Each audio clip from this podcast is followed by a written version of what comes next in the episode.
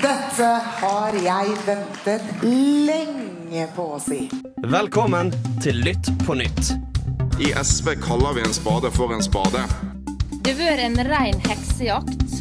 Hvis du klarer å bære fram ett, så bør jeg kunne klare å bære fram to. Velkommen til Lytt på nytt. Radio Revolt sitt nyhetsprogram. Morna,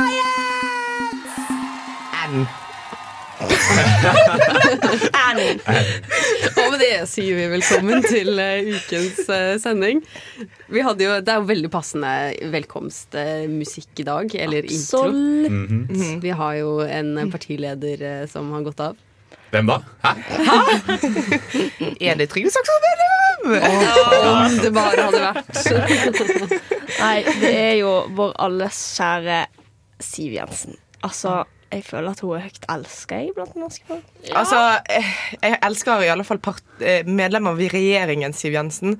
Ja. Opposisjons-Siv Jensen, hun har ikke så Jeg sier som alle andre partiledere på venstresiden sa. Jeg liker henne som person, Ja. men jeg er litt eh, enig med ja, okay. ja, der, der, der tok du Jeg er ikke alltid enig med henne, men jeg respekterer henne. Hun virker som en gøy dame å ta et glass vin med.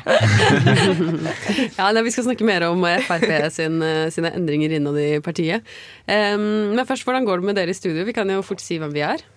Hei, ja, ja. Jeg er Oda, Oi. og det går veldig fint med meg. Så bra. Jeg, fikk, jeg har vært litt trøtt før i dag, og så nå jeg fikk jeg litt kaffe og litt kaldt vann, så nå ble jeg plutselig veldig gira på veldig kort tid. Så Ja, men det er bra.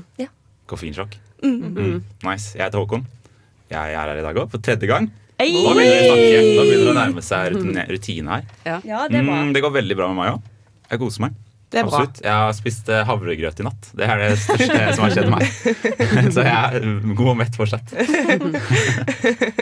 Ja, eh, med eh, Guro. Og det går veldig fint Nei, det går ikke fint. Jeg skal levere en eksamen på tirsdag, så det går ikke fint med meg. Men det går fint begynte med å meg. lure, for det er jo bare sånn OK, går det fint? Nei, det gjør, det gjør sjelden det. Vil du snakke om det? Eh, Hvis noen av, noen av dere lyttere har lest The Logic of Collective Action og skrevet en bokrapport om den, så eh, blir jeg veldig glad om dere tar kontakt med meg.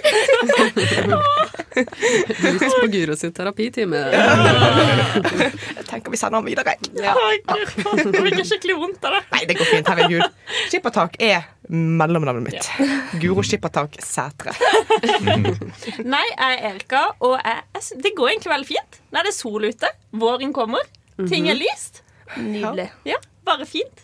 Sol til sikkert klokken fem på ettermiddagen òg. Det er helt vilt. Ja, det er jo fantastisk. Vi går jo mot lyse tider i- som bare det. Men hva skjer med Trondheim? Som oftest pleier det å være snø til mars, Ja, liksom. jeg er egentlig litt skuffet, for jeg har fått litt sånn skidilla. Jeg heter Una, forresten. Jeg har fått litt skidilla. Greit å bare ja, sagt det. Fått veldig skidilla denne vinteren, og så plutselig i midten av februar så kommer våren. Altså, Misforstå meg rett, vår er ja. hyggelig, men ikke akkurat nå. Jeg kan Jeg kunne fått på litt lengre skisesong. Ja, men jeg vedder på at snøen er tilbake om Ja. to uker. Ja, ja, det, det tvil. det. var en smakebit på april, liksom. Jeg bare Ja. vil ikke ha regn.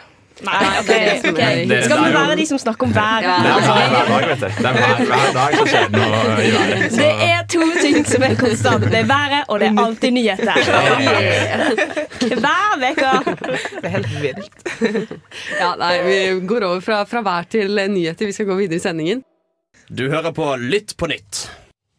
Det stemmer, eh, og vi skal snakke om eh, kanskje den saken som har eh, vært mest oppsikt innad hos oss. Nemlig Siv Jensen sin jeg holdt på å si bortgang. Men det, det, Jo, men det litt, føltes det føltes litt sånn. Vi er litt Ja. i sorg. Ja. Vi er jo ganske fan av Siv Jensen ja. som Uh, menneske. Ja. Som menneske. Som menneske. Men Ja, òg som har- Frp-er. Ja, Ja, altså, jeg- rel relativt på en måte til Ja. andre Frp-ere. ja, hvis jeg skal liksom sånn. først være fan av en Frp-er, så Så er det Siv Jensen. Altså, hun er jo imponerende. Ja. Ja, hun er veldig kul. Men nå skal hun eh, ta vare på seg selv og en valp. Så hun skal da ut av um... Så dere valpen, eller? Ja. jeg har sett. Den var faktisk søt. Fulltidsjobb, det. Og du har Jeg- sagt vonde ting om hunder i denne, i dette Det radioprogrammet. har Oda. jeg. Jeg liker ikke dyr. Men jeg unner Siv Jensen å få seg en valp. Ja, hun har vært eh, på Stortinget i 24 år, er det det der? Ja, det Jeg er hadde er blitt lei, jeg òg. eh, Selvfølgelig er hun lei. ja. Men jeg lurer veldig på hva skal Siv Jensen nå? First, First House. First House. Ja, men det, det blir så for enkelt. Jeg tipper hun skal bli tannlege. Skal bare skal gjøre det helt annet. Jeg tror, tror hun skal starte et gårdsbruk. Ja, sant. Inni en eller annen dal. Nei, hun har jo pekt på, på uh, Sylvi Listhaug som eh, den som bør ta over lederrollen. Eh, og det er det jo litt eh, ulike meninger eh, på. Ja, for jeg synes at det er, det er jo en litt rar ting å gjøre. Du skal ikke gjøre det når du går av som partileder. Du skal ikke peke ut. Nei. Det er opp til Ja, for det, det viser jo hvilken rolle Siv Jensen har. Hun, hun har det partiet rundt lillefingeren. Altså, det er hun, som, det har det er hun som bestemmer hvem som tar over. Hun bare, eller hun gjør jo ikke det, men hun gjør det. Nei, Jeg tror ikke det blir så mye murring. eh, Det har vært litt murring, vel, fra noe Trøndelag eh, Ja. Mm. fylkeslag og Det er en del som vil sånn, ha men- Solvik-Olsen òg. Mm. ja. Og da skjønner jeg jo, han er jo en mye mer moderat fyr. Han kunne jo vært en høyremann, liksom. Han stiller jo ikke til stortingsvalg, og da er det vanskelig å Det er det. Men hadde han visst at Siv Jensen skulle gå av, så kan det godt hende at han hadde stilt til stortingsvalg. Da kan Ja, Og jeg tipper at hvis hun, hun, altså hvis hun hadde hatt lyst til at han skulle ta over, så hadde hun kanskje informert om at sånn ville kanskje, jeg ville kanskje stilt likevel, Mm. Ja, men det har på en måte alltid vært litt i kortene at hvis det var noe som skulle ta over før Sylvi ble det Sylvi har blitt, så var det liksom han som var eh, bak der. Og han kan jo ha sett den komme for ti år siden, på en måte, så han har nok ikke hatt den lysten og driven som trengs. Nei, men han har jo òg de siste årene tatt litt steg tilbake Ja. og vært litt sånn Nei, jeg er ikke helt med, jeg er bare litt med. Ja. Og da er det jo ikke naturlig at han skal bli partileder. Nei. Nei. Så sånn sett så er det jo bare en kandidat til å bli partileder. Fordi, ok, Sånn som Søviknes, da. Ah. Som er kanskje en av de få andre som har kompetansen. Han er jo uaktuell, fordi at hver gang han får en eh, Da- da- posisjon som ikke er i en bitte, bitte liten kommune, liksom, så OK, bitte liten.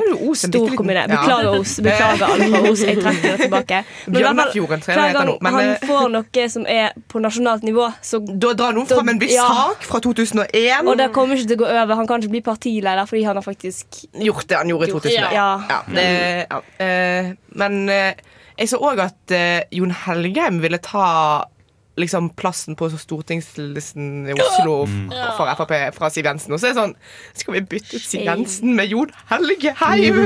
Altså, jeg har ikke vært så stor fan av Frp, men dette her det er trist, liksom. Det er kjempetrist. Vi skal få inn Jon Helgheim og uh, Sylvi så høyt. Listhaug. Sylvi Listhaug. Ja, Nå blir det veldig spennende hvor det partiet går, da, for Ja. nå må på en måte Sylvi Listhaug dra partiet opp igjen, for nå er det jo litt i en Ja, dum. ja. I hvilken Altså, retning da? Ja, og Ja, i hvilken retning? Hva er strategien for å få opp eh, velgertallet? Ja, for liksom Frp har jo vært et parti som har vært eh, I motsetning til veldig mange andre liksom høyre-høyre-partier i Europa, så har Frp, Frp klart å holde seg liksom vi er ikke radikalisert, og likevel har holdt liksom på velgerne sine og ikke gjort at det har oppstått noe sånn radikaliserte parti. Eh, så sånn Det sett er jo Siv Jensen Siv Jensen som- ja, Ja. Siv Jensen har klart dette her, og jeg bare skjønner ikke hvor det, Jeg er litt redd for uh, hvilke retninger partiet skal ta nå. Men, men samtidig så vet en jo at når et parti bytter partileder, så får de ofte en liten boost på meningsmålingene. Ja. Så da kommer vi jo sikkert til å se uansett.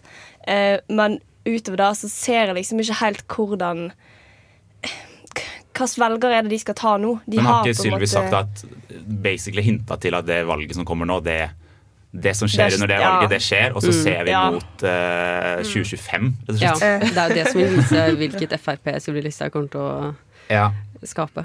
Eh, Det blir ah. veldig spennende å følge med på. Så Ja. jeg aner ikke Litt Men det kan Frp-mumlingen, det er gøy. det Det kan jo være nå at hun eh, kommer i partilederstolen og sier sånn OK, nå, nå må jeg ta litt mer ansvar for handlingene. Nå må jeg tenke litt mer taktisk og litt lenger framover. Og Hun har jo roa seg litt ned, har ja, hun ikke? har jo det. det hun har. Og kanskje at dette gjør at hun roer seg enda mer ned. Ja, det er jo, Men det var jo det Siv Jensen gjorde. Hun Ja, ja. var jo ikke altså, like likende som regjering før hun ble partileder. Eller, liksom. det, Men samtidig, hun kom ikke ut og Ap beskytter terroristers nei, interesser. Nei. For det er den her dama vi skal ha som partileder. nei. Ja. Ikke vi, Frp. ja.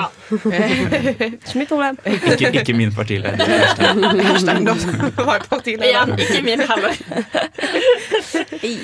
Ok, Vi skal gå videre i sendingen og høre på Guilty Garden med Easy to Say. Ja da, ja. Mitt navn er Martin Lepperød. Du hører på Lytt på nytt!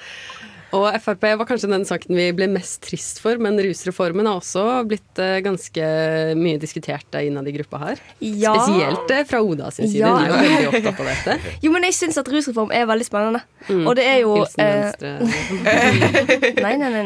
Eh, men fordi det, dette er jo Dette og pelsdyrnæringen, det er jo Venstre sine store seire i eh, Kunne fått gjøre noe med olje òg. Vær så snill, Venstre. Ja, ja, nei, det, det, nei. Ja, det er dette de har å vise Ja. til. Kan ikke redde, Um, alle kan ikke redde både mennesker og mink. Du må Nei. må velge en av delene. Så eh, regjeringen har jo nå, basert på et eh, utvalg som de har satt ned, em, kommet fram med en rusreform. Og hele hensikten med en rusreform er at eh, det har egentlig vært en trend i ganske store deler av verden der en tenker OK, kanskje ikke det fungerer å straffe rusmisbrukere, kanskje de egentlig trenger hjelp. Revolusjonerende tanke at rusmisbruk kan ses på som en sykdom. Wow! Og da har vi da innsett da i Norge i 2021. Eh, så det er jo litt hyggelig. Så du skal ikke lenger kunne bli straffa for å ha små eh, doser til eget bruk. Eh, Si at du Guro, blir tatt på gata med ett gram amfetamin. Da kan ikke du bli straffa, men du kan få tilbud om hjelp. Ja. Um, Hva slags hjelp da? Eh, det, du får jo eh, øh, Altså, ofte så henger det jo sammen med psykiske lidelser. Og det er jo en ting som en har blitt mer, mer, mer og mer bevisst på. Så du skal jo få tilbud om hjelp i helsevesenet til på en måte å eh, Hvis du har en avhengighet, så skal du på en måte få klare å deale med den. Hvis du har andre eh, Kan du få begynne på metadon? Ja. For eksempel. ikke ja, fordi det er det som er poenget. Nå er jo eh, rusomsorgen en del av rettsvesenet. Men den skal jo bli flyttet til helsevesenet. Oh, det er nydelig. Og det gir så mye mening, Ja. føler jeg. Men det er jo ikke alle dette gir mening for. Fordi det er mange som Ja, tenker føler. Blant annet Jan. Bøhler. Grorud! For han har vært i Groruddalen og Han har sett hva dop gjør med ungdommen. med ungdommen. Ja, for det, det han mener er vel det at uh, ungdommer har, Da blir det mer lavterskel for ungdommer å komme inn i rusmiljø, for det er ikke, Ja. noe, Ja, og det er ikke straffbart lenger. Det er veldig fokus på gjenger, at dette vil liksom gjøre at det blir bedre og større Men gjenger. det som er at vi skal ikke, vi skal ikke gjøre dop lovlig. Det er legalisering og avkriminalisering. Det er to veldig forskjellige Ja, ting. man kan jo argumentere for at det er en slags eh, praktisk Altså i praksis så er det en form for legalisering. Hvis du ikke straffer Ja, men ok, det, så er Eksempel. Det er jo mange ting i Norge som er ulovlig, men du ikke kan bli straffa for. Altså, Si at eh, du står og røyker på eh, et offentlig sted der det ikke er lov å røyke. Ingen kan straffe deg for det, men du kan bli bedt om å forlate stedet. Og liksom, Dette Ja, er ikke lov. I, I praksis så gjør ikke det noen forskjell. Kanskje får du litt kjipe blikk liksom, Jo, står men- der og men- røyker på, på, i busskur. Men liksom. det gjør jo det, fordi det, er setter jo ut det, jo, det sender jo fortsatt ut signal om at dette er ikke lov i Norge. Dette er ikke greit. Altså, det, det, Og store doser er jo ikke stor, lov til å ha for det om. Og det er jo fortsatt ulovlig å kjøpe og selge narkotika. Jo da, men, men argumentasjonen om at det blir mer lavterskel for ungdom å besette narkotika, er jo ganske legit. Var det ikke noen som argumenterte mot at nå kommer de gjengene til å gi utrolig små doser til utrolig mange, og så skal de selge det videre? Ja, så er det flere som kommer inn i gjengmiljøet. Det er sånn-. Ja. Ja.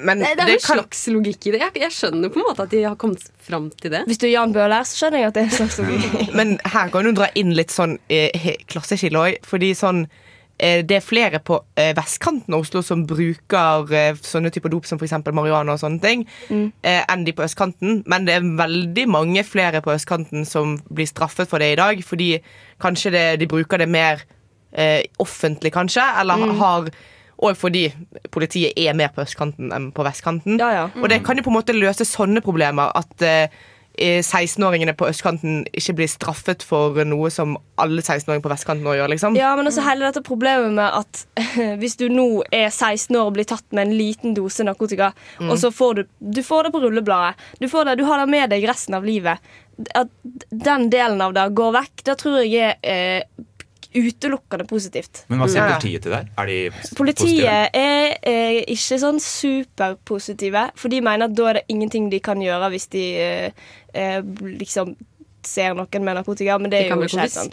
De kan jo det. Ja. Det blir jo samme som at hvis du drikker på offentlig plass og nekter å helle ut drikka, så kan jo de på en måte Ja. kjefte og Mm. ta Ja, ja. inn. Da har de jo Ja, ja. Det handler om at De det, går, det er et steg mellom å bli lagt i håndjern og altså, De må ha en dialog her, Ja. Mm. åpenbart. Jeg skjønner ikke at de ikke er happy med det her. Nei, det skjønner jeg ikke. Det blir jo det at når politiet bruker litt mer skjønn, og det blir litt slitsomt for de At de ikke bare kan Ah, si ja, det er ulovlig. Ferdig snakka.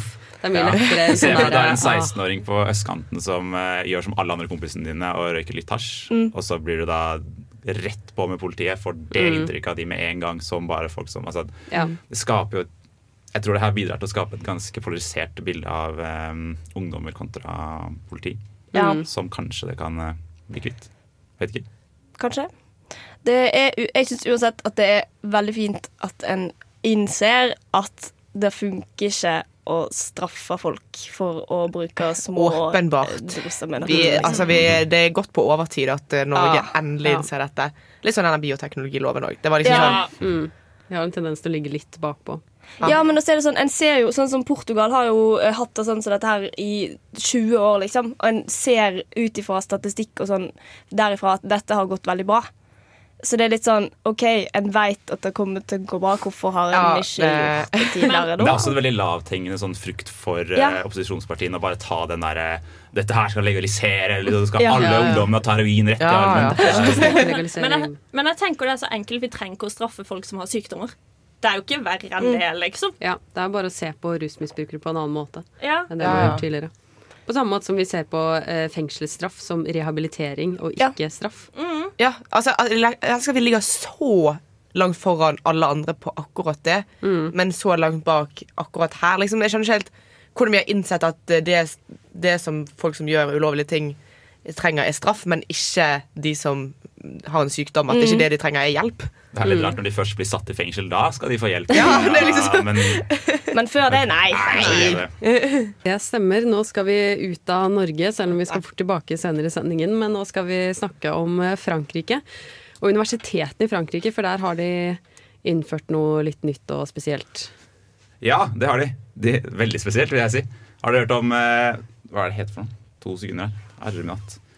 Islamoleftism. Å, det er spennende. Ja, det hører det er en god, mm. god greie Det der. er en uh, Det er en, ideologi. Det er den nye, ja, det er, det er den nye store trusselen mot det franske samfunnet, ifølge høyere utdanningsminister Fredrik Vidal. Ja. Ja, Men Hva, hva er islamoleftism? Det er ingen som veit. Jeg har prøvd å gå på Wikipedia og finne det. Det er bare noe sånn Det er som alle ideologier. Det er bare masse randome tanker satt inn i et system. Så det hun sier, da, er at um, islam og leftism ikke har en vitenskapelig definisjon, men er mer en følelse i folket. Basert Bare se for at jeg så sier det på fransk med Oi. bagett og ja, hele pakka. Følelse i Og i og med at det er en såpass sterk følelse i folket, da, ifølge hun, eh, hun dama her, så skal de nå altså gå inn i universitetene. Det er en gruppe som skal gå inn og se etter denne ideologien på universiteter. Altså De skal se om det forskes på denne ideologien. Og hvis det forskes på denne ideologien, så skal det bort. Skjøtte de den ned? Det. Er det litt sånn som det kommunistiske spøkelset? Det er litt sånn det kommunistiske spøkelset. Det er liksom Er det der? Er det der ikke? Hva er det? Altså, Det skal være en eh, sånn blanding mellom radikal islamisme og radikal venstreside. Hvordan, men hvordan funker det sammen? Jeg er så Jeg aner ikke. Men det er en trussel mot Frankrike. Det skal være visst. Kommunist-islamister. Ja, litt Da- kommunist-islamister. Altså Hvis du kombinerer kommunisme og ayatollah, liksom, er det liksom det? Jeg tror at noe, det er feil å ikke forske på dette, Fordi hvis ingen vet hva det er, så bør en jo forske på det. Det er veldig De sant. jobber induktivt. Oh. Fra empiri til teori her. Det er ikke eksamen nå. Ja, jeg, jeg, har eksamen Stegvis alltid. induktiv, deduktiv, induktiv analyse. Men det eh, det? det som, det som har eh, skjedd, er at eh, alle universitetene i Frankrike har jo reagert sterkt. Fordi de liker jo ikke å komme, at folk kommer inn og forteller dem hva de skal eh, forske på. Ja, faktisk. Ja, men det er jo sensur. grunnleggende feil å gå inn og fortelle universitetene hva de ikke kan gjøre. Det er jo halve poenget med universiteter. De skal jo ikke ha, altså Staten skal ikke gripe inn i hva universitetene driver og forsker på og ikke. Men det nærmer seg også gjenvalg i Frankrike, så da har eh, Macron bestemt seg at eh, nå skal vi være litt mer sånn skeptiske mot islam, virker det som. Ja, for det er jo- en trend i Frankrike. Ja, det har jo vært en stund, det, dessverre. Sanka Men, stemmer på det. eh, ja, eh, og man husker jo alle den saken med læreren som visste viste Ja, ja. Mohammed-karikaturer. Mm. Eh, og siden det så har det vært en veldig intens debatt i Frankrike om hvor langt skal vi la islam få påvirke. da Eller I ja, utdanningsinstitusjonene. i, hel, i spesifikt. hele systemet, egentlig. Eh, og nå har det annet blitt vedtatt en lov som sier at absolutt alt. Altså, de har allerede sekulær lov som sier at alle som jobber i eh, staten, må være sekulære. Ja, Nå gjelder også det for privatkontrakter som er ansatt av staten. Som typ en bussjåfør får ikke lov til å ha på seg eh, et kristent kors, I guess, når han Nei, skal kjøre kristen kors eller eh, hijab. Sylvi Listhaug Ja. hadde klikka i vinkel. For det. Men, eh, Hun hadde ikke klikket i vinkel om det var bare hijaben det gjaldt, men når det kristne Når det kristne korset eh, går under samme kam som en hijab, da Ai, ai, ai. Hun får ikke lov å gå med det kristne korset sitt mens hun røyker en sigg utenfor bilen sin. Og drikker litt Pepsi. Skrekkscenario. men tror du det er det kunne skjedd noe sånt i Norge, eller? Tror du vi kunne fått noe eh, Nei. Jeg tror at Frp-er som kommer inn og Kommer Jeg føler ikke Kommer an på hva som skjer med Frp, da. Men de sitter ikke i regjering. Jeg tror ikke de klarer planer om å sitte i regjering på en stund. Jeg Og Frp er et parti som faktisk bryr seg de- Altså, de har jo ytringsfrihet på godt og vondt ofte. Ja. Ja, og jeg tror ikke Henrik Asheim altså, han, Jeg har ikke vært så glad i han de siste hvor mange måneder? Ti- Elleve månedene. Eh, men Men er det ikke litt ironisk at de kjemper veldig for ytringsfriheten, der Mohammed-karikaturen skal fram? De skal vise fram det. Og nå så skal de lansere en uh, studie som skal undersøke hvor den ideologien er i universitetet, og da gjerne også fjerne den. Det er jo ganske ironisk. Men eh, jeg føler det kommer bare til å ende opp med at ingen skjønner hva denne ideologien er, så de veit vet ikke hva de skal Ja, lete etter. Og så, ja, nei. Mm. Det bare resulterer i ingenting, fordi Ja. hva, er, hva, hva er det de egentlig skal gjøre? De skal ha er stemmer. De skal ha stemmer. De skal vise at de kjemper Ja, for det er jo likevel skummelt at det blir valgkamp. At man skal være så anti-islam. Ja, og- Men det er jo Jeg gidder ikke at sånn Front National skal vinne heller, liksom. Nei. Nei. De har selvfølgelig vært veldig for det, det skal sies. Ja, de har like elsket Wow, surprise! Du hører på Lytt på nytt på Radio Revolt. Vi går eh, fort tilbake til hjemlandet, og vi skal snakke om fergepriser. Ja, vi skal Yes. til Skal vi til koronapolitikk? Skal vi til distriktspolitikk? Skal vi til valgkamp? Hvem vet? Vi holder Eh, holder hendene med hverandre. det er jo ting som har med hverandre å gjøre, ja.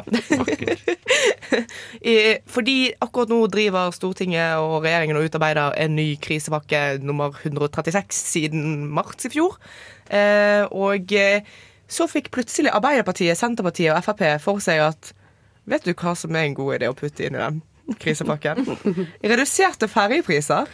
Wow, det gir så mening! Det gir så, fordi folk skal jo ta ferge mer når vi ikke skal reise så mye.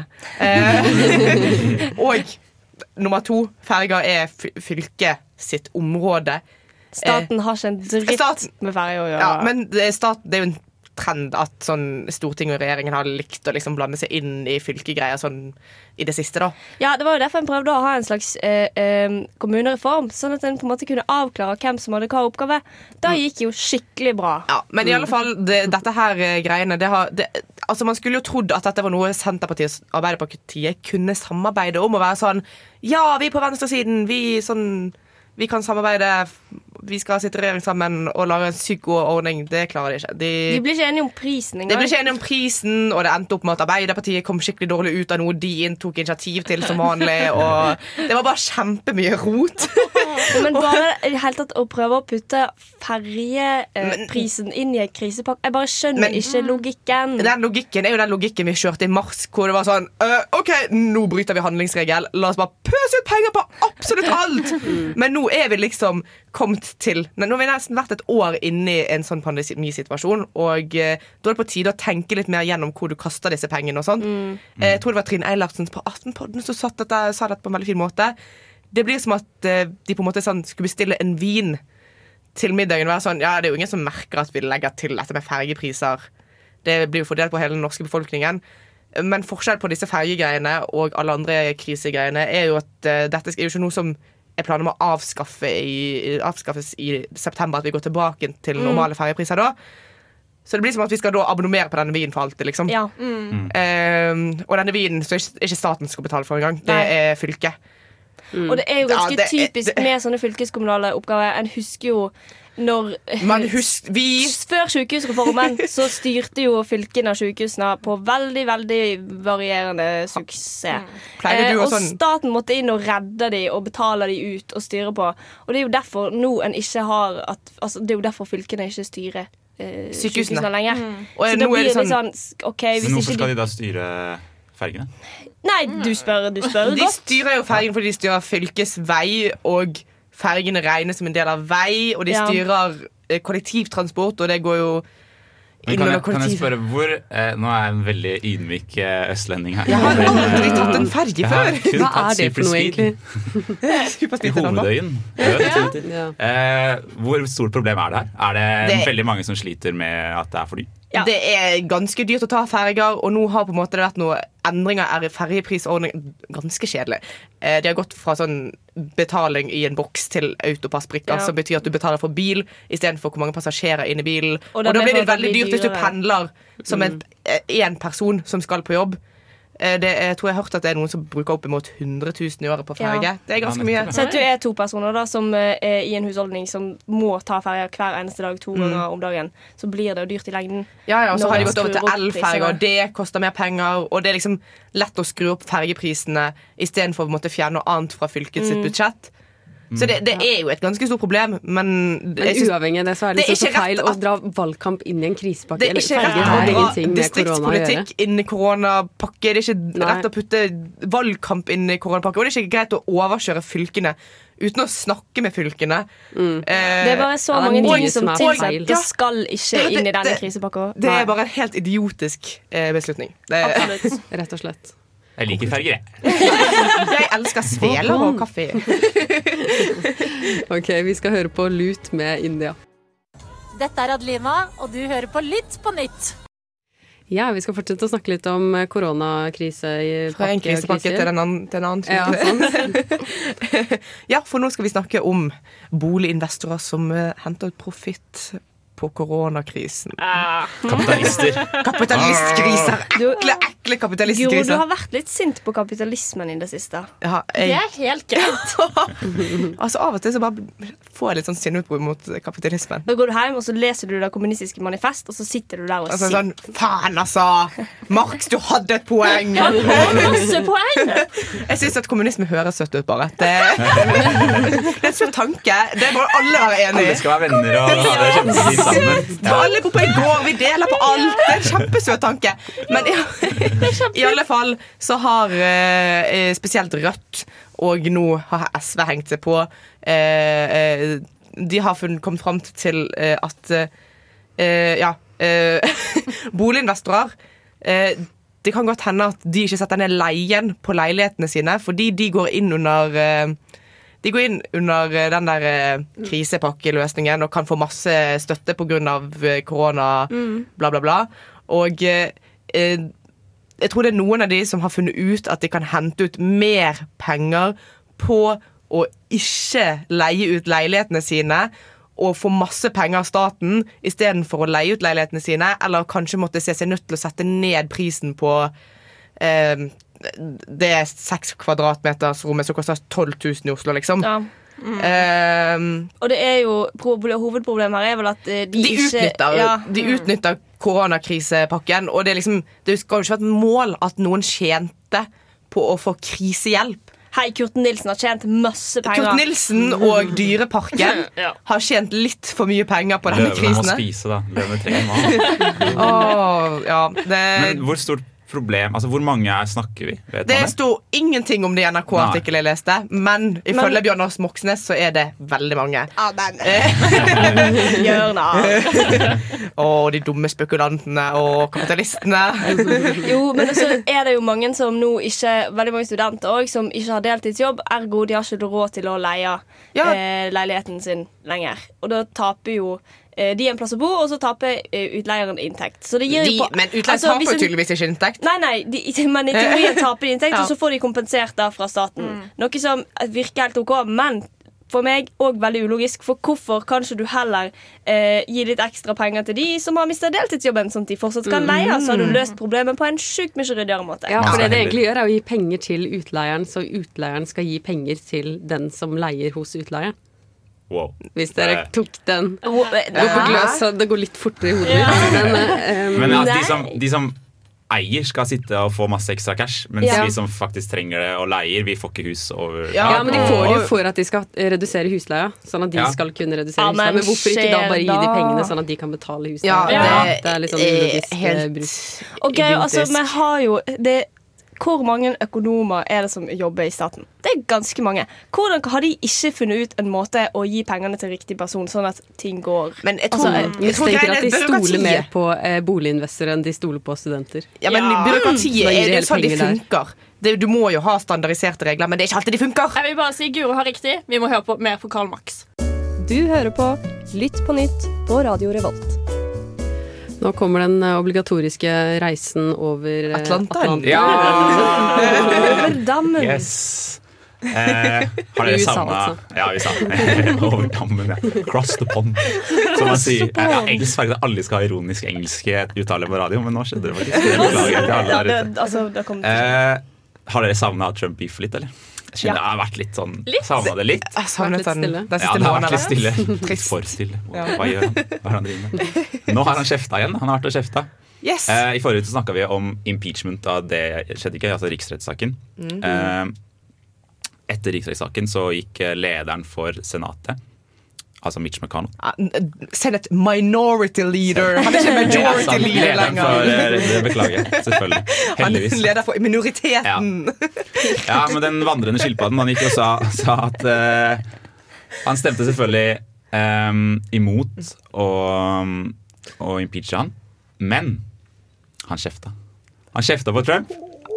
Det tok han fire år, men han gjorde det til slutt. Han, når man er helt sikker på at han er vekke, da kan han Da kan han gjøre det. Men Han er en han, kommer rett opp igjen. Han kommer og tar deg. For Trump har kjefter tilbake han. Eh, McConnell har sagt at eh, Trump har det moralske ansvaret for, eh, for det som skjedde da, da Kongressen ble storma. Eh, og at grunnen til at han ikke stemte for riksrett, var fordi han mente at eh, man kan ikke bli eh, stilt for riksrett når du ikke er president. Pyse med andre ord. Pyse. Ja. Chicken. Chicken. Eh, og da har Trump kommet tilbake og sagt at eh, det eneste jeg angrer på Se for deg at jeg er Trump nå. bare ja, akkurat sånn jeg snakker. Det eneste jeg angrer på, er at McConnell tigget for min støtte for valget. Og at jeg da ga det til han. Wow! Ja. Men hallo, jeg lurer på en ting, fordi eh, Donald Trump er jo utestengt fra typ alle sosiale medier. Hvordan Har han sendt ut en pressemelding? Han har sendt ut en pressemelding. Han har sendt en mail. det er veldig nice. Ja. Han har sendte ut faktisk en mail hvor det står 'Sincerely Donald John Trump' eh, under, faktisk. Med masse følge i det samme retorikken som vi har sett fra han i altfor lenge. Jeg elsker at han Jeg, jeg, ha den, ja, for jeg vil ha den retorikken på brev. Ja! Ja. Jeg vil ha sånn You are a loser'. loser! From the office of the former president, ja. Eh, men det som er litt spennende der, er at det viser jo den eh, republikanske dragkampen som skjer der inne nå. Eh, hvor du har den utrolig nok sindige Mitch McConnell. At det er til å si at han liksom skal være den snille og greie her. Eh, mot den eh, fløyen som Donald Trump representerer, som er Vi vet alle hva slags fløy det er. Det er ikke noe sjarmerende greier, det. Men er det en fløy som er i ferd med å bukke litt under, eller? Nei, Nei. det er det ikke, tror jeg. Jo. Nei. Ikke det? Nei. Man håper. Det er jo går håpe, men... eh, de fleste, i hvert fall eh, senatoren Lindsey Graham, Mm. eh, en annen prominent eh, senator, eh, som også har vært veldig glad i Trump. eh, Bestevenn til Trump. ja. mm, og for øvrig bestevenn til John McCain da han eh, holdt på. Litt rar kombo. det. Ja, det er litt rar kombo. ja. Han har gått ut og sagt at du bør ikke starte denne fighten her. Eh, Denne kampen her skal ikke du eh, ta Mitch McConnell. Vi har, han har 74 millioner velgere bak seg. Det er ikke en eh, er kamp som har- man bør ta. Eh, og at partiet har gått i den retningen det har gått, og vi må leve med det. Som er, Hvis du trodde McConnell var kylling, så ja. Ja, ja, men det, altså, jeg skjønner folk er redd for Trump fortsatt. Det er jo ikke det første gangen noen republikanere har fått så mange eh, sånn per personstemmer, skulle jeg si. Jo, Altså han har sånn- fått mest av alle Ja, noensinne. mest, ja, mest av alle noensinne. Altså. Ja, ja, av republikanere. Mm. Eh, Men eh, Men ja, jeg, jeg er fortsatt redd for at eh, den fløyen, den har ikke dødd. Det finnes jo eksempler med folk som er mer radikale enn Trump, sånn som vi snakket om. QAnon-damen. Ja, Taylor Taylor Taylor heter Hun var forresten på høring her forrige uke. Da hadde hun en automatrifle bak seg på Zoom. Oh, Nei! mens hun, eh, hun holdt på. Det er så amerikansk. Det Mm. er klein. Ja. Det er kleint, og det er farlig. Det er kleint og farlig. Ja. USA oppsummert i to ord. Hei sann, jeg er en veldig viktig person, og jeg hører på Lytt på nytt. Det gjør du også. Vi skal snakke om klima, og rettere sagt så skal vi snakke om at CNN har eh, kritisert eh, Norge sin klimastrategi. Det er Ja. flaut. Det er litt Flaut å få kritikk på klimafronten av amerikanere. Ja. Av CNN. Ja. Ja, for jeg tok fram det at eh, Norge, Canada og Storbritannia er verstingen på det her. Det at vi tjener masse penger på, på ikke-fornybar eller fossil eh, brennstoff, men så bruker vi de pengene til å komme med klimatiltak. Mm. At det blir litt hyklersk, på en måte. Og det kan jeg jo si meg enig i. Ja. Bruker? Ja. Men det er jo sånn de har gjort eh, klimaregnskapet. Bestemt seg for at det skal være sånn at det er innad i landet de utslippene som er inni landet, og ikke de man eksporterer ut, som på en måte går på regnskapet. Så egentlig er det jo en slags kritikk mot hva skal man si, Parisavtalen, på en måte, eller FN sin eh, klimastrategi, eller måten man gjør det regnskapet på. Ja, fordi sånn som det er nå, så vi selger jo basically alt vi pumper opp fra Nordsjøen. Og da er det ikke norskt lenger. Nei, fordi Nei, den olja er megarein, fordi at mm -hmm. den forurenser ikke mest Og i når vi bruker den i Den gjelder ikke i Norge. Den gjelder, det, hvis vi har pumpet den opp, men selger den, da gjelder den ikke. Det er sånn det funker, obviously. Ja. Det er bare Teslaene som gjelder. Absolutt. Og sånn går man i null Ja. på 1, 2, 3. Men det de kritiserer litt, er jo det at Norge på en måte går fram som og vi er så flinke, vi har så grønne tiltak innad i landet, men så har vi på en måte den olja som eh, driver det hele. Og jeg skjønner jo det, burde- det burde jo det burde jo ikke vært sånn man regner på det, men igjen så blir det jo ikke helt en kritikk til Norge igjen. Da. Det blir jo egentlig måten man regner på. Mm. på Klimakvoter. klimakvoter. Men ja, Norge er jo litt eh, dårlig på det. I hvert fall det at vi eh, tar opp mer og mer olje. Eh, Men er det ikke bra at vi bruker de Altså Hvis vi først skal gjøre det og ha den, de pengene på bok, skal vi ikke subsidiere noen Teslaer? Jo, noen jeg syns at eh, Hvis vi først ja, Å finansiere det grønne skiftet gjennom eh, oljepenger Altså Det er en måte å finansiere er det på, liksom. Ja. Ja. Og har det så mye, eh, altså Til vårt forsvar da, har det så mye å si hvor de pengene kommer fra. Jeg tror ikke USA har så mye mm, Altså, rene Men penger de er bruker heller. en hadde jo kanskje ikke trengt å bruke de pengene på øh, øh, klimatiltak hvis en bare hadde slutta å pumpe opp så jævlig mye olje. Ja, Ja. det, Ja, men da ser det jo ikke bra ut er på liksom- klimaregnskapet igjen, da. Så vi gjør jo ja. Ah, wow, så hvis vi stopper å pumpe olje, så blir det dårligere. Altså Da får vi Ja, dårligere ser- klima i Norge. Ja.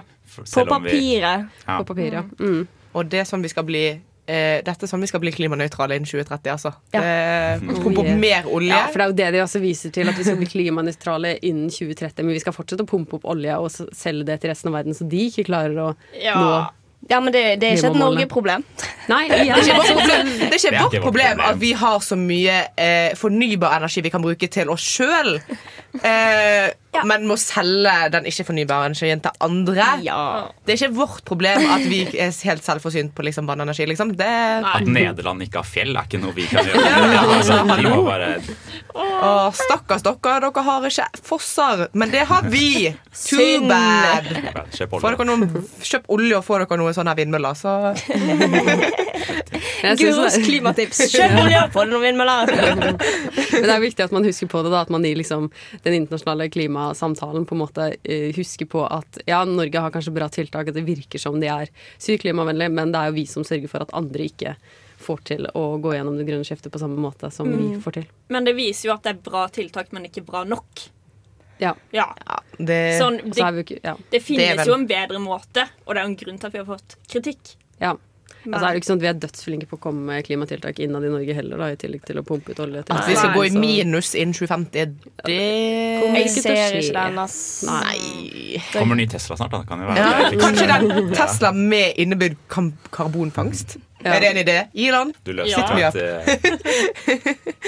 det. er Tete, og du hører på Lytt på nytt. Vi skal fortsette å snakke om klimapolitikk eh, nå innad i Norge og eh, Innad i Senterpartiet? Ja, det store klimapartiet. Ja. Fordi eh, det er jo sånn at eh, Senterpartiet plutselig står overfor den store utfordringen som egentlig Arbeiderpartiet og Høyre som store parti har stått overfor. Og det er at det er så mange mennesker i partiet at hva gjør en med klima? Fordi du har en hel haug med klimafornektere. Du har òg en hel del velgere som driter i klima, bare vil kjøre bensinbilen sin. Så når Trygve Slagsvold Vedum da må basically under tvang trappe opp på Politisk kvarter og snakke om klimapolitikken sin, og det går altså så dårlig Um, elsker det! og det er sånn på, de må på en måte save det med at andre folk går inn og snakker om klimapolitikk. Og så Han sa basically at de ikke har bestemt seg for om de støtter regjeringen sitt mål, og, som òg er FN sitt mål, og EU sitt mål, om å redusere eh, CO2. Var ikke Senterpartiet med på å gå inn i den avtalen med EU? Oh, jo da. jo! Så da er jo de derfor Men for gå, det er avtalen. da, når, du blir, når Trygve Slagsvold Vedum blir stilt sånne spørsmål, så kan han bare si Kaffe! Sveler. Ja. Um, men jeg syns jo på, på den ene siden så synes jeg det er ganske problematisk at et så stort parti ikke klarer å ta stilling til noe selv. Fordi ofte er det sånn OK, vi har et mål, men vi vet ikke, har ikke bestemt oss hvordan vi skal nå det. Eh, de har verken mål eller bestemt seg for hvordan de skal nå det. Så det er litt sånn Ja, for det er liksom Og klima er en av de absolutt viktigste sakene og største krisene vi står overfor.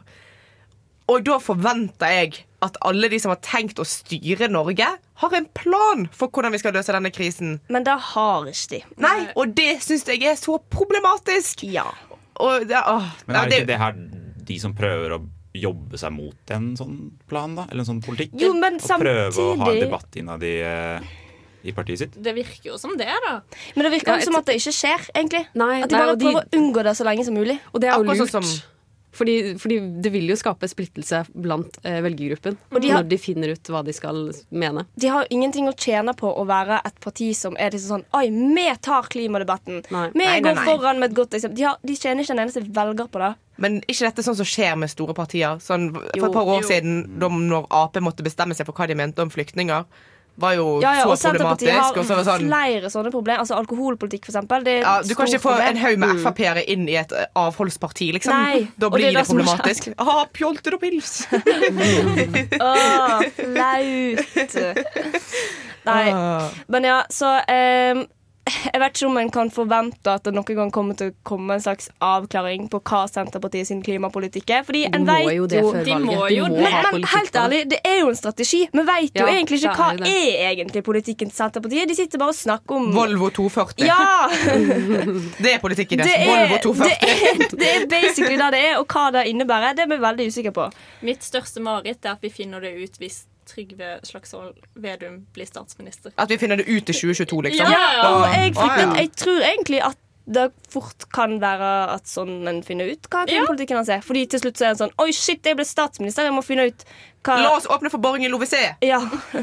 Vi veit jo med ikke. en gang.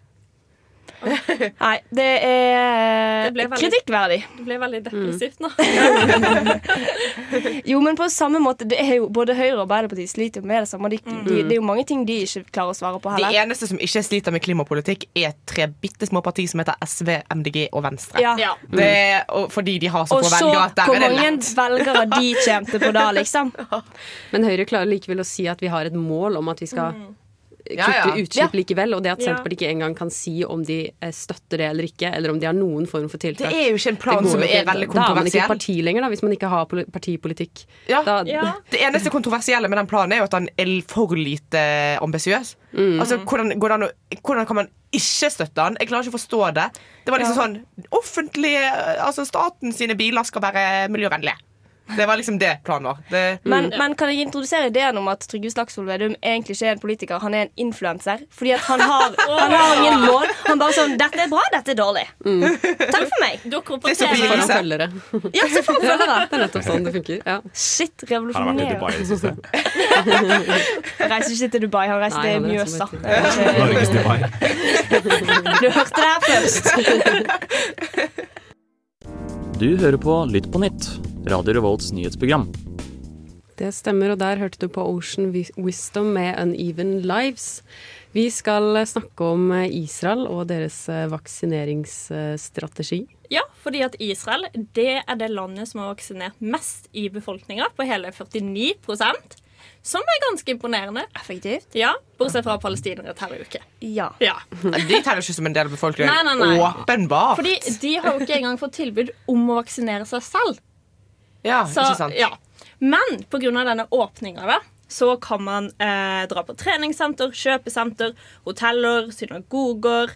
Og de kan gå på idrettsarrangementer og konserter, men selvfølgelig er det begrensning. Men for å kunne dra dit, så må du ha et grønt pass. Og det er sånn, På mobilen så viser jeg 'halla, jeg er blitt vaksinert', og alt det der. Et bevis på at du har fått vaksinen? Liksom. Ja, ja. Som, Ja. gr som et grønt pass. Men alle disse åpningene gjelder kun for de som er vaksinerte, og det får du ikke. Så all denne åpninga gjelder jo ikke palestinere. Ah, så enda mer skille mellom palestinerne og de som ikke er palestinere i Ja, ja. Israel. Fordi- Nydelig! Det var det vi trengte. Ja. Det, Det er ganske spenstig å bruke eh, en pandemi til å faktisk diskriminere allerede diskriminert folkegruppe enda Ja, ja. mer. Da, da er du kreativ. Som om og hvis det er noen er kreativ, så er det Netanyahu. ja, Som ikke det er ille nok, men da er det sånn OK, vi prøver å få de til å dø ut, men det funker ikke med, siden de ikke får vaksine. Da bare lar vi de ikke komme på noe. Uff for meg. Så grusomt. Det er grusomt, men det er jo litt sant. Ja. Ja. Sånn Korona, man kan jo dø av det. De velger å ikke vaksinere dette folket. Men det var ikke Ja. noe med at eh, Israel nå, i tillegg til å ikke vaksinere de som bor i landet sitt, gir vekk vaksiner i bytte mot eh, Hva var det? Israelske fanger. Ja. Israelske fanger. Ja. Altså sånn fordi Selvfølgelig israelske fanger i Damaskus eh, vikt, altså Man kan bytte vaksiner. Drive og driver med sånn vaksinebytte der. Vaksinediplomati. Vaksi Årets nyord. Årets nyord. Fordi det er nok eh, veldig mange som kommer til å bruke det ordet utenfor eh, Ja, nå har vi etablert oss. nå. Vaksinediplomati. Jo, mm, Ja. jeg liker det. Men det er bare så fælt.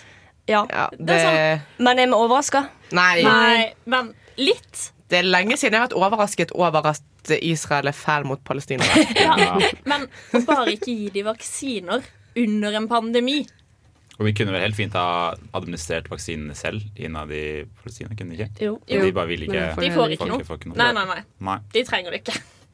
Men har ikke de noen mulighet til å skaffe seg de vaksinene uavhengig av Israel? Eller er det Hvis ikke de regnes som et land, så Nei, det er jo det. er jo det ganske vanskelig å forhandle med andre land. Ja. Ja. Det måtte vært andre arabiske land i så fall mm. men det tror jeg ikke Ja. Israel er så gira på. Nei, Nei. det er da kan jo hende at det blir enda mer spenninger, og det er jo ikke det vi trenger. Men jeg skjønner ikke hvorfor andre land ikke griper inn. Det gjør det jo til vanlig ikke i Israel. Men når det er snakk, snakk om denne pandemien og at folk skal vaksineres Jeg tror at nok av alle land har nok med seg selv Ja, akkurat nå. ja, det til nettopp da. Men det er jo og så når vi ikke gjør noe med konsentrasjonsleirer i Kina, på en måte, så tror jeg ikke vi kommer til å gjøre noe med vaksinering ikke- i Vi gjorde ikke det før pandemien. Her, Nei, men det nei, men det er det jeg mener, at vi, vi inngriper Ja. ikke sånne Det er veldig mange ting som har gått under radaren fordi folk, er, altså, folk stater er så opptatt med hva som foregår i sitt eget land. Og stater er opptatt av å ha et godt forhold til andre land, selv om de Ja. andre landene suger. Ja, Altså, Velkommen til internasjonal politikk. Ja. ja, sant. Nei. Du hører på Lytt på nytt på Radio Revolt. Ja, vaksineringen er ikke feilfri her i Norge heller. Nå skal vi snakke om eh, eldre som ikke får vaksine fordi de ikke blir nådd. De får ikke beskjed. De har jo ikke Facebook engang! De får, de får vel en sånn en melding med en link de skal inn på. Og den er vanskelig å åpne når du har Doro-telefon.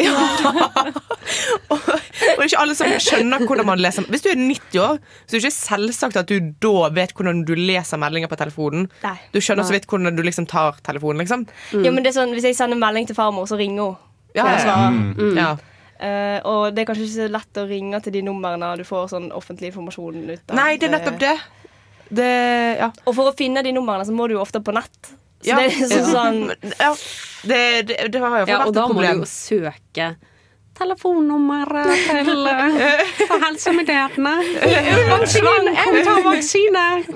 Hvordan? Og det er liksom greit for de som har pårørende eh, som er gamle. De Mm. kan jo få hjelp av de pårørende, for de pårørende får jo med seg nyhetene om at helsemyndighetene ikke får tak i de gamle. Mm. Eh, men de som ikke har pårørende, som òg er en god del av befolkningen som er gammel, de får jo ikke med seg at å ja, jeg skulle tatt vaksine nå, liksom. Mm. Og eh, ja, det, I noen kommuner så er det, så, det er blitt sånn så ille at de må begynne å banke på dørene til de gamle. For det er sånn, Ja, jeg får ikke tak i de når vi de ringer, sender selvfølgelig. melding. Det er jo gamle mennesker som ikke Det er ikke gitt at de Nei. Vi vet jo at gamle mennesker ikke nødvendigvis har telefon eller PC. Smarttelefon, Man må komme liksom. og banke på. Ja. Men det viser til at dette med vaksinering er mye mer sammensatt enn man kanskje tenker. Man har snakket utrolig mye om vi får ikke den vaksinen, vi får ikke den vaksinen. Mm. Nå har de satt opp på sluppen et stort greie. Man kan melde seg frivillig også, hvis dere har sett det. Spennende. Eh, men det er så mange sider ved det her som man ikke har tenkt på før. Eh, sånn, de bør jo selvfølgelig ha tenkt på det her, at det ikke sitter en Det er utrolig sånn logistikkproblem, liksom. Men altså, det er jo sånn vanskelig for gamle folk allerede. Liksom, sånn, alt er jo blitt gjort om til dette skal skje på internett. Det er sånn eh, 90-åringer kommer seg ikke inn på helsenorge.no eller Nav sine sider og får Mm. pensjon. Liksom. Det, det, ja. det er jo kanskje et problem at så mye har blitt digitalisert for boomersene. Ja, men, det vil jo gå veldig fint framover. Ja. De dør jo ut snart, de som ikke får det til.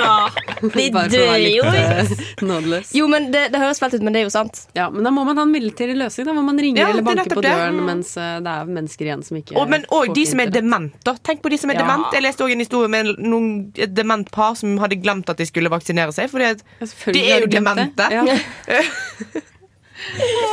Men da har vi jo et allerede stort helsevesen som tar vare på disse menneskene. Det må jo være mulig å koble noen av de, sånn som du sa. Ja. Få inn hjemmesykepleien. Mm. Men jeg inn- føler det er ganske typisk at det er sånn her er det en enhet som er hjemmesykepleier, så er det en enhet som skal gi vaksine, og de snakker ikke sammen i det hele tatt. Mm. Det Ja. er jo typisk. Ja. OK, alle sammen. Jappen, som vant godt. Nei da. Men altså, vi, vi Alle oss fem. Ikke fire lenger, men fem. Vi koste oss i går. Vi så på Melodi Grand Prix. Og det var kjempegøy. Men vi alle hadde ulike folk vi ønska å få fram. Blant Håkon. Du ville ha Tix. Tix, Tix, Jeg har alltid vært en være Bærum må støtte Bærum. Ja, du er fra Bærum. Du må det. Men Jeg er så undertrykte som vanlig, så jeg må prøve å få oss fram. Og jeg syns det er så sykt at vi faktisk skal sende Tix, Tix til Eurovision. Men hør her. Hør her. DJ Ida. Jeg er DJ. Jeg er DJ.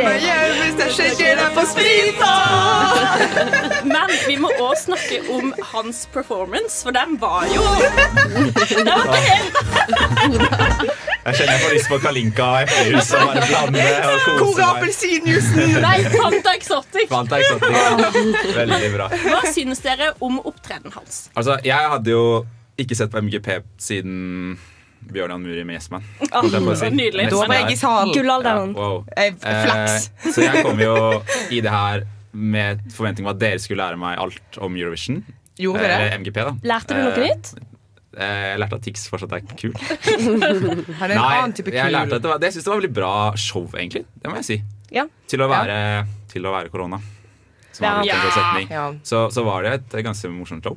Ja. Eh, og så var det overraskende underholdende og veldig puteunderholdning. Veldig Ja, ja. Du sitter jo sånn i, æ, æ, innimellom. Den derre Hva er den hekselåta? Åh. Det var ikke min personlige favoritt. Jeg var litt lei meg med tanke på sånn eh, Eurovision-messig. At uh, vi sendte videre Tix, for det finnes en sjanse for at vi da. Jo, men jeg har hørt at uh, Tix har fått litt sånn Oi, eh, utenlandske uh, jury og litt sånn ah, Ja, ja, han har en sjanse. De, hva, de, de dro fram Keiino og Tix. Men Ja, jeg, ja. tenker dere ikke at det er sånn intern joke i Norge at vi skal sende han ut? Sånn, se Ja, for det han har jo, han har jo russebånd rundt Ja. eh, hodet, med briller, verdens største pelskåpe og vinger. Jeg tenker dette er tidenes prank fra Norge. Aldri vært en så stor prank, og jeg elsker det. Men det er bare vi som ler av den, da. Er For de andre har jo ikke hørt om russetiden. Sånn, Have you heard about this thing called russetid? Jo, men Kanskje det blir en svær greie. At, det blir sånn at uh, nå blir det internasjonalt kjent at Russetiden is something in Norway. This yeah. Tix is, uh, Tix is making it, uh, uh, uh, He's the hitmaker behind Ja. uh, Bergen 2018 and Skal vi snakke om at Tix har blitt eh, En følelsesmann. Han er, ja, han er en følelsesmann, men han har også blitt sabla ned av eh, kulturkritikere. Det har han alltid blitt. Men du kan ikke være russelåtskriver, og så kan du tenke sånn Å ja, men nå skal vi være én seriøs låt, og da skal alle ta meg kjempeseriøst. Nei, men så er det sånn, Han vet jo veldig godt at han ikke lager musikk eh, fordi at det er musikalsk Tix kvalitet. er et opprør mot eliten. Ja. Ja, ja. han er elite selv, da, siden han er fra Bærum. Så Ja. Har han er den perfekte sånn eh, eliteopprøreren som bare sniker seg Mm. inn selv om han egentlig er elite, og skal kjefte på kulturredaktør i Ja, ja, ja. eller hva det. Men jeg tror og det er ganske gøy med MGP-eliten, liksom. For alle lo jo av dette. Og Fins en MGP-elite. Ja, det gjør det. Alle anmelderne er MGP-eliter. Ah, ok. ja. Og hele Twitter i går kokte, og alle var sånn Hva faen? hva faen? Hvordan er dette mulig? Dette er rigga, som jeg egentlig elsker. Er ikke rigget. Det er bare at Tix er den mest ja. spilte i hele Norge. Selvfølgelig vinner han MGP når han er med Ja, i det. ja. Det er Jeg jo synes ikke det er noe litt kult, spørsmål om det. Ja. Det er jo litt gøy. Han vant jo gøy. soloklar, da. Ja. Ja, ja, Ja, ja.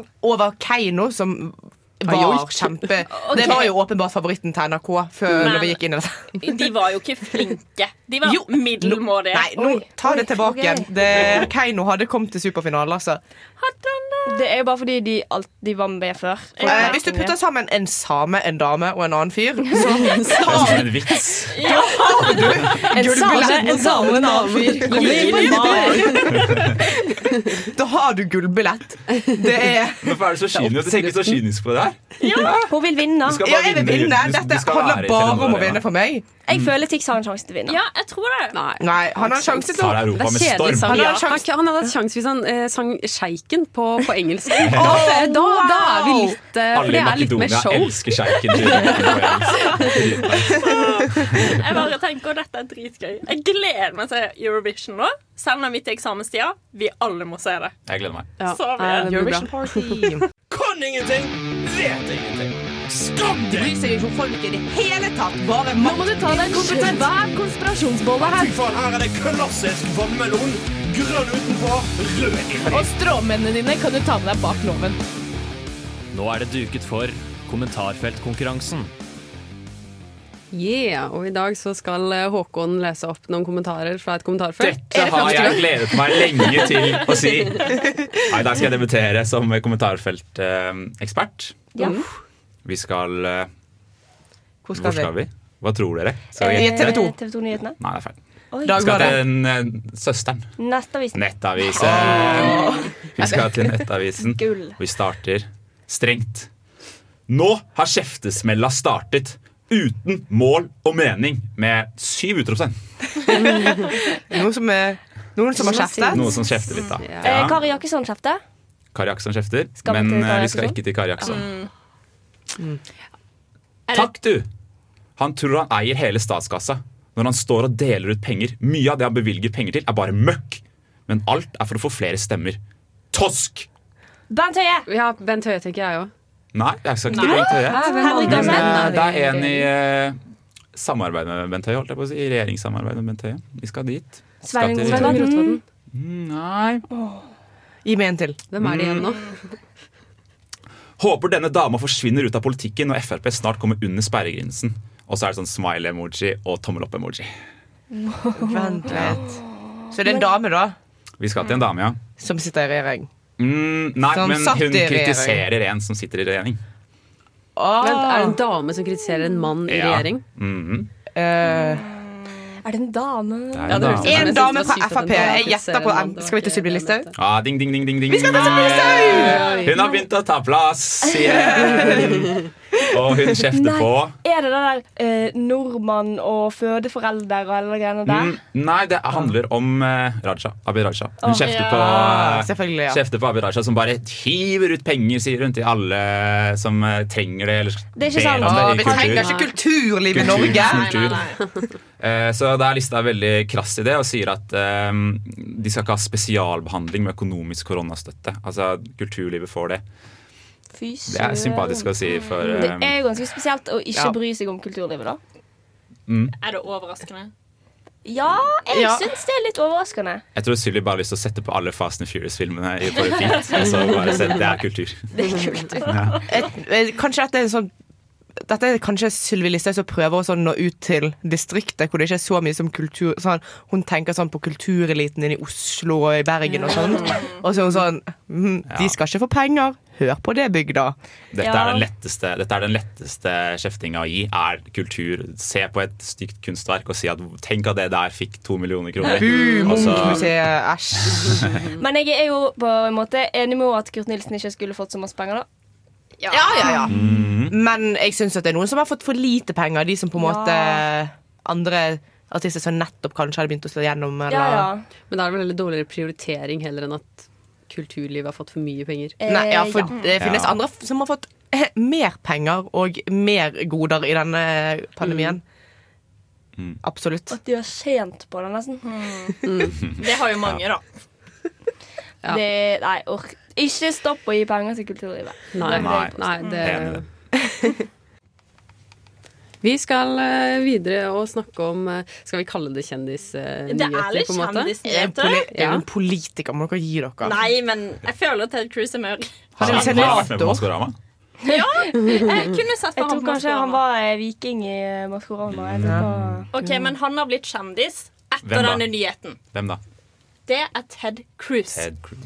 Fordi han har jo blitt tatt i å reise til Mexico. Det er litt som Norges Dubai. Cancun. Ja. Cancun. Så eh, han reiste til Mexico når folk i Texas ikke har det så bra. De er uten strøm og vann. Og da har han sagt nei, dette er av døtrene mine. Eh, De hadde ikke skole. Og de hadde så lyst å reise på ferie med venner. Og så var de jo litt kalde, så det var litt fint å reise til et varmt sted. Ja, for akkurat nå i Texas så foregår det noe sånn Hva er det som får Det er iallfall Minus to grader. Minus to de- grader i Texas, hvor det vanligvis er sånn 57 grader, liksom. Det er jo Men det er faktisk De vet jo de ikke er hvordan jo de skal ikke de, har, de, det. de kan jo ikke håndtere den type kulde, liksom. Mm. Men det som er gøy, er at tidligere så eh, var han i et radiointervju og eh, oppfordra folk til å være hjemme. Sånn Ja. rett før dette. Og det er det som Ja, ja. er veldig, veldig Det er jo- krise. Det er spennende å dra til Mexico i en pandemi i seg sjøl, liksom. Men, uh, Men det som også er veldig spennende, er at han lot hunden være igjen alene. Og det, folk har tatt bilde liksom, inn i huset hans, og ser, liksom, så ser du hunden står i vinduet sånn og bare Venter på at eh, Og det, det Nei, det er ikke bra. Det er Det- trist. Det var sånn USA slutter aldri å overraske. Ted Cruz slutter aldri å han er jo en del av den der eh, sekten til Trump. Ja, det. Og ja, nei, han er han, det, var, det kom ikke som en overraskelse. Jeg er ikke overrasket, men fortsatt disappointed. Men han fikk masse kjeft. Ja. Så han, det var vel ingen som eh, forsvarte han, Nei. sikkert bortsett fra gutta i Fox News. var det Det var en del bilder tatt på flyet, da. Og du ser liksom i øynene hans sine bare den skammen og flauheten. Bare mest fordi alle Å, han har blitt en meme! han har blitt en meme. Ah, yes, noe positivt kom ut av dette. her Noe annet enn den der gamle hvor han var JFK Assassin. eh. Ja, ja. Men det, er, det blir for dumt. Det blir ordentlig for dumt. Sånn til og med Ja, det er Ted Cruz og alt det der, men med, han er jo folkevalgt. Men han vet ikke Stakkars fyr, han er jo fra Texas. Han skjønner ikke hvordan man håndterer minusgrader. Selvfølgelig må han dra til varmere strøk. Men det er jo spennende at eh, det er to grupper mennesker som reiser til eh, Mexico akkurat nå. Det er Ted Cruz og familien Paradise. og Paradise Hotel. Vil du ha noe til felles? Å, se for dere Paradise Hotel-deltakere møter Ted Cruz. Jeg tror det er mer likheter mellom Ted Cruz og Paradise Hotel-deltakere enn det jeg tenker på til vanlig. Jeg tror, ja, IQ, verdier, den type ting. Jeg tror de har mer til felles enn det man tenker over. Jeg Liksom. syns det er litt slemt sagt mot Paradise-deltakerne. Ja. Jo, men faktisk litt. Ja, jo, det er kanskje sant. For de er unge og dumme.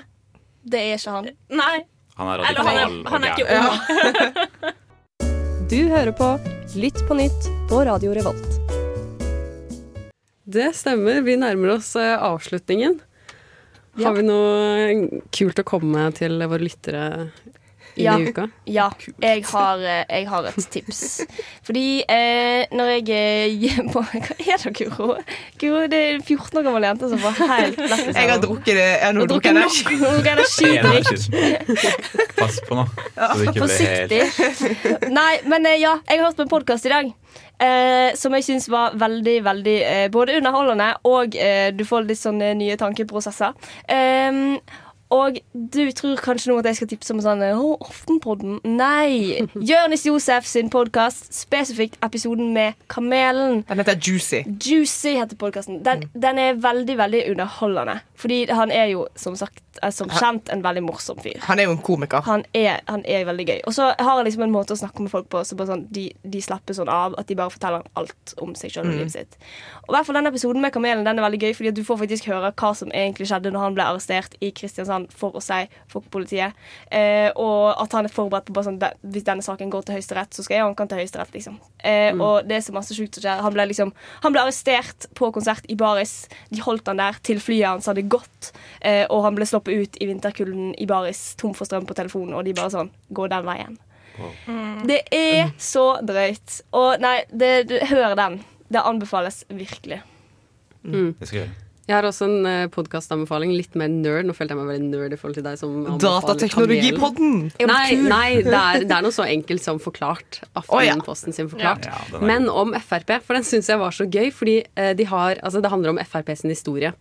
Uh, og så har de lagt på liksom rock og liksom heftig elgitarsolo i bakgrunnen mens de er sånn Så kom Siv Jensen i et mannsdominert parti, tok over partiet, taklet eh, skandaler på skandaler. Så Sånn får hun. Frp inn i Ja, veldig Ja. sånn. Og så har vi Trine Eilertsen som er kommentator da, i- oppå elgitarsolo, så den, eh, den var veldig underholdende. Den, Trine Eilertsen er jo vår maskot. Hun har blitt vår Ja, store ja, helt. ja. Ja, Ja. Absolutt. Nevner henne litt for mye. Alltid vært. Men jeg har òg et tips. Å, wow. Dette er ikke egentlig aktuelt for vårt program overhodet, men verdens verste. Det er min favorittpodkast som liksom eh, tar for seg verdens verste mennesker som noen gang har levd. Og liksom gir de poeng da for hvem er verst. Hvem er sånn mann på gata, og den andre som egentlig aldri burde levd. Hvem er det som leder den uh, poengen? Er ikke Eh, over uh, Djengis Khan? Han var ikke så trivelig. Nei. Jeg trodde det var Åh. Eh, hvem var Oi, shit, nå kommer jeg ikke på navnet. Da, det Nei, men da- Sikkert Karl. Aldri Karl Marx. Håkon, du har et tips, har du ikke? Ja, for dere, da må dere elske fotball, gjør dere ikke det? Fotball, Ja, Erik er med. Erik er med. Ok, da kommer tipset til dere. Eh, det er en uh, serie som er på Apple TV Plus, som bare høres What? Hvem har det? Ja, hvem har det? Du kan få gratis syv dager, da. Det skal sies. Så gjør det. Ja, okay. Og se denne serien her. Den heter Ted Lasso. Det handler om en amerikansk fotballtrener som blir trener i eh, Storbritannia i Premier League. Den store ligaen i Premier League. Det er en komiserie, det er ikke en dokumentar. Det er en komiserie. Ja. Og du tenker sånn Det høres helt krise ut hvis ikke du liker fotball. Så høres det ille ut. Men den er faktisk bedre hvis ikke du liker fotball. Det er den mest holdsomme Ja, serien jeg har sett noensinne. Men jeg elsket sånn- heimebane, liksom. Den er som en morsom og snill hjemmebane. Åh, Den er utrolig okay. bra. Du sitter og, den er ti episoder. Det går på det går så fort. Fordi du sitter og bare Du får så god følelse. Det er sånn peak The Office, peak bare sånn holdsom Hvis du trenger å bli litt, eh, få litt positive vibes, så er det Selv om du ikke liker fotball. Og den heter Ted Lasso heter den. Lasso. Ok. Mm. Den må vi alle se. Ja, jeg Mm, det hørtes eh, Det var godt solgt inn. Ja, veldig, takk. veldig. Takk, jeg går be i Sånn. Hva, Guro? Har du noen tips? Nei! Eller jo, jeg kan tipse folk om å melde seg til frivillig til å sånn, henge på vaksinestedet. Ja, fordi du, de vil ha folk som skal bare henge der. Ja. Nei, men jeg, jeg, jeg kan gjerne liksom snakke med gamle folk eller kjefte på dem fordi de ikke bruker munnbind rett. Eller sånn, Ta temperaturen deres og si sånn 'Du skal dit'. Ja. Neste. Det, ja. Du liker bare den autoritetsfølelsen av å kunne peke. Jo, da kommer går med refleksvest og kjefter på Ja. gamle mennesker. Hvem vil ikke da? Og Altså- hvis, det finnes en, hvis, hvis det finnes en mulighet for at jeg får litt tidlig AstraZeneca, så sier ikke jeg nei. Tror ikke det er en del av dealen. da, Guro. Ja. Kanskje finner det på gulvet der. Sånn, bare- Ja. Ja. at det er sånn igjen Å, dette var, vi hadde tre doser to av oss. Er det noen som vil ha? Ja. Vi er eh, ferdig for i dag. Tusen takk for at du hørte på Lytt på nytt denne uken. Og god uke. Ha det bra. Du har lyttet til en podkast på Radio Revolt, studentradioen i Trondheim. Sjekk ut flere programmer på radiorevolt.no.